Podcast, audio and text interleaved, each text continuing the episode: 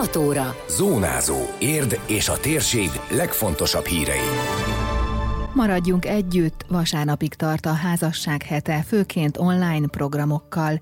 Rendezni kell a vagyonnyilatkozattal, az összeférhetetlenséggel és a méltatlansággal kapcsolatos szabályozást az LMP-s alpolgármester szerint.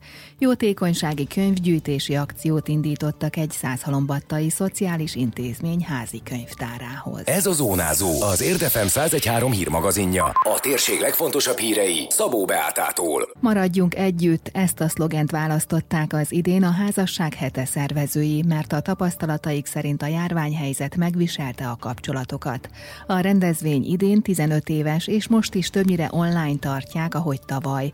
Ennek előnye is volt, hiszen többen tudták követni, vagy utólag megnézni az eseményeket, közölte a házasság hete mozgalom országos koordinátora. Vidéken idén már személyes részvétellel is szerveztek programokat. Például nagyon népszerűek a párkapcsolatépítő szerelmes kalantúrák, ahol egy egy-egy feladatot kell a házaspároknak egy héten keresztül elvégezni.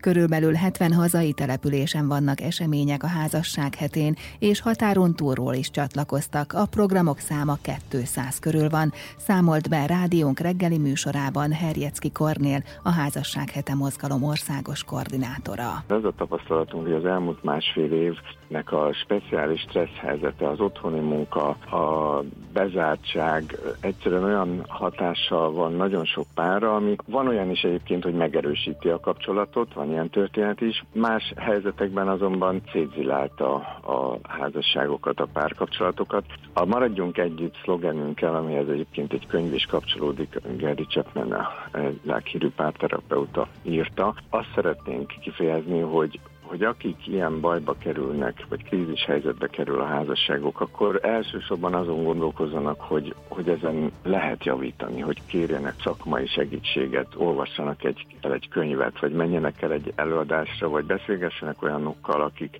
hasonló helyzeten esetleg túl vannak, és sikeresen rendezték a kapcsolatukat.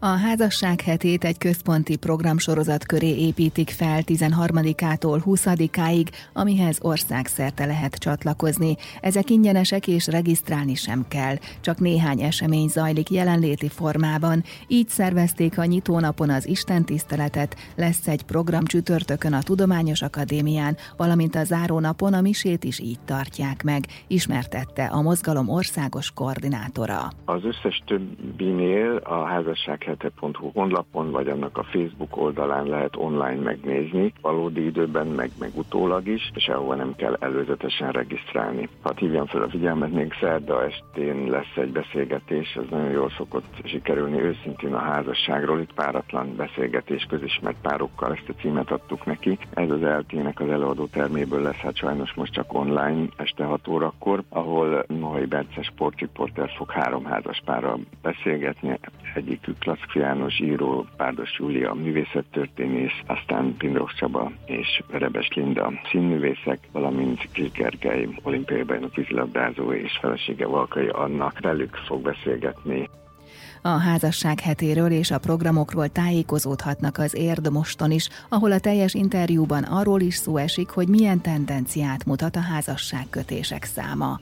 A kapcsolódó eseményeket a házassághete.hu oldalon lehet követni. Elkezdődtek az útépítések Diósdon, és úgy néz ki, hogy bölcsődeépítésre is eredményes pályázatot adott be a város, valamint Sóskút is, közölte Aracki András országgyűlési képviselő érdi tájékoztatóján. Hozzátette, bízik benne, hogy mi hamarabb megszületik a döntés. 56 fős lesz a Diósdi bölcsődeépítés, és körülbelül ekkora méretű lesz a Sóskut is. Ugye Sóskut ez lesz az első és egyetlen bölcsőde is. Emellett a tavaly kormány által megítélt 150-150 millió körüli összegből elkezdődtek az útépítések Diósdon is, sőt, Diósdon már az iskola építésének a lehetősége is megteremtődött, és a útépítés az tárnok vonatkozásában is a megvalósítás útjára lépett. Ezúton kérem a lakókat, hogy viseljék el a munkálatokkal járó nehézségeket. Több jó és járható út lesz mindkét településem, a bölcsöde és az iskolaépítés mellett. Az országgyűlési képviselő nagyon fontosnak nevezte a zajvédelem ügyét, ami főként Diósdot, Török Bálintot és Érdet érinti. Aracki András szerint a minisztériumnál több egyeztetés volt, és ma ott tart a folyamat, hogy az uniós források elköltésének céljai között szerepel a zajvédelmi kérdések rendezése. Tájékoztatása szerint egy helyszínen már megkezdődött a kivitelezés. Ugyanis ezek a beruházásoknak az a része, ami már kormányzati forrást igényel, az elkezdődött a Diósdot és Törökbálintot összekütő kereszthíd, amely egy zajforrás abból a szempontból, hogy nem volt zajvédelemmel ellátva. Ez is benne volt a abban a programban, amit összeállítottunk, amit végigbeszéltünk a tárcával. Ennek a kivitelezéset megkezdődött. Azt a konkrét ígéretet kaptam a tárcát, hogy ebbe az ICOP által finanszírozott szegmensben minden zajvédelmi hiányosságot ezen települések tekintetében orvosolni fognak. Ott, ahol nincs zajvédőfal, ott megépítik. Ott, ahol van zajvédőfal, de már régi, elavult, vagy nem tudja kielégíteni a szükséges zajvédelmi funkcióját, azt megújítják, felújítják, Aracki András megerősítette azt a korábbi információt, hogy az M7-es török bálinti szakaszánál, ahol sebességkorlátozást kérnek az ott élők, az új forgalomszabályozó rendszer kiépítése márciusban kezdődik el. Az országgyűlési képviselő tájékoztatóját megnézhetik az érdmost.hu hírportálon. A vagyonnyilatkozattal, az összeférhetetlenséggel és a méltatlansággal kapcsolatos szabályozást az önkormányzatok világában is rendezni kell, hangsúlyozta az érdi közgyűlés tagjaival szemben indított eljárások kapcsán Tetlákörs alpolgármester, az NMP elnökségi tagja. Sajtótájékoztatóján felidézte, hogy tavaly nyáron Bács István 71 milliós tagi kölcsönével kapcsolatban kezdeményezett vagyonnyilatkozati eljárást, amit a politikus azóta sem tisztázott.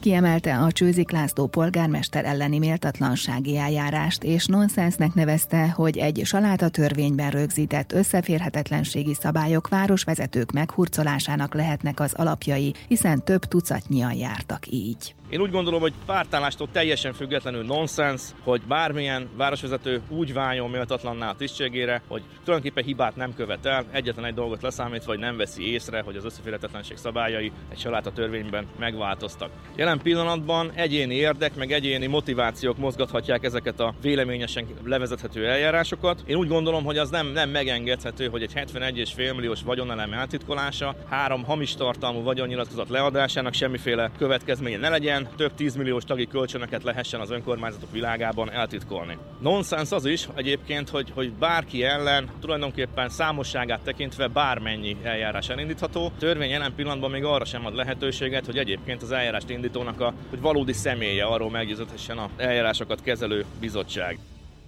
Emlékeztetett arra is, hogy még három önkormányzati képviselő javíthatta vagyonnyilatkozatát, a szövetség érdért frakció vezetője hasonló hiányosságát nem korrigálhatta, valamint arra, hogy a személye elleni összeférhetetlenségi és méltatlansági eljárás jogalap nélkülinek bizonyult. Tetlákörs emellett kiüresedetnek nevezte a vagyonnyilatkozatok intézményét, mivel a vagyon szándékolt eltitkolásának semmilyen következménye nincs. Kiemelte, hogy hoztak egy rendelkezést, amely szerint szerint az érdi vagyonnyilatkozatok a ciklus végéig nyilvánosak maradnak. Adományokat várnak egy szociális intézmény házi könyvtárához Százhalombattán. Természetesen könyvekkel lehet csatlakozni a jótékonysági akcióhoz, amelynek köszönhetően a helyi idősek otthona és átmeneti gondozóház lakóinak rendeznek be egy könyvtárat. A város polgármestere indította a kezdeményezést száz kiadvány felajánlásával, és közösségi oldalán buzdít mindenkit, hogyha teheti adományával segítsen. Mint írta, olyan házi könyvtárat szeretnének kialakítani, kialakítani, ahol a ház lakói kedvükre válogathatnak, és ezáltal boldogabban, tartalmasabban tölthetik el az idejüket. A könyveket március közepéig várják a Százhalombattai Polgármesteri Hivatal A épületének portáján. A kiadványokat a vírushelyzet miatt egy ideig pihentetik, majd a Hanvas Béla Városi Könyvtár munkatársainak segítségével katalogizálják. Időjárás. A nap első felében keleten, délután inkább nyugaton, este felé pedig már országszerte számítani lehet esőre, de a közbenső időben és tájakon több-kevesebb napsütés is várható. A szél erre felé mérsékelt lesz, a csúcsérték 13 fok körül ígérkezik. Zónázó. Zónázó. Minden hétköznap azért efemen. Készült a médiatanás támogatásával a Magyar Média Mecenatúra program keretében.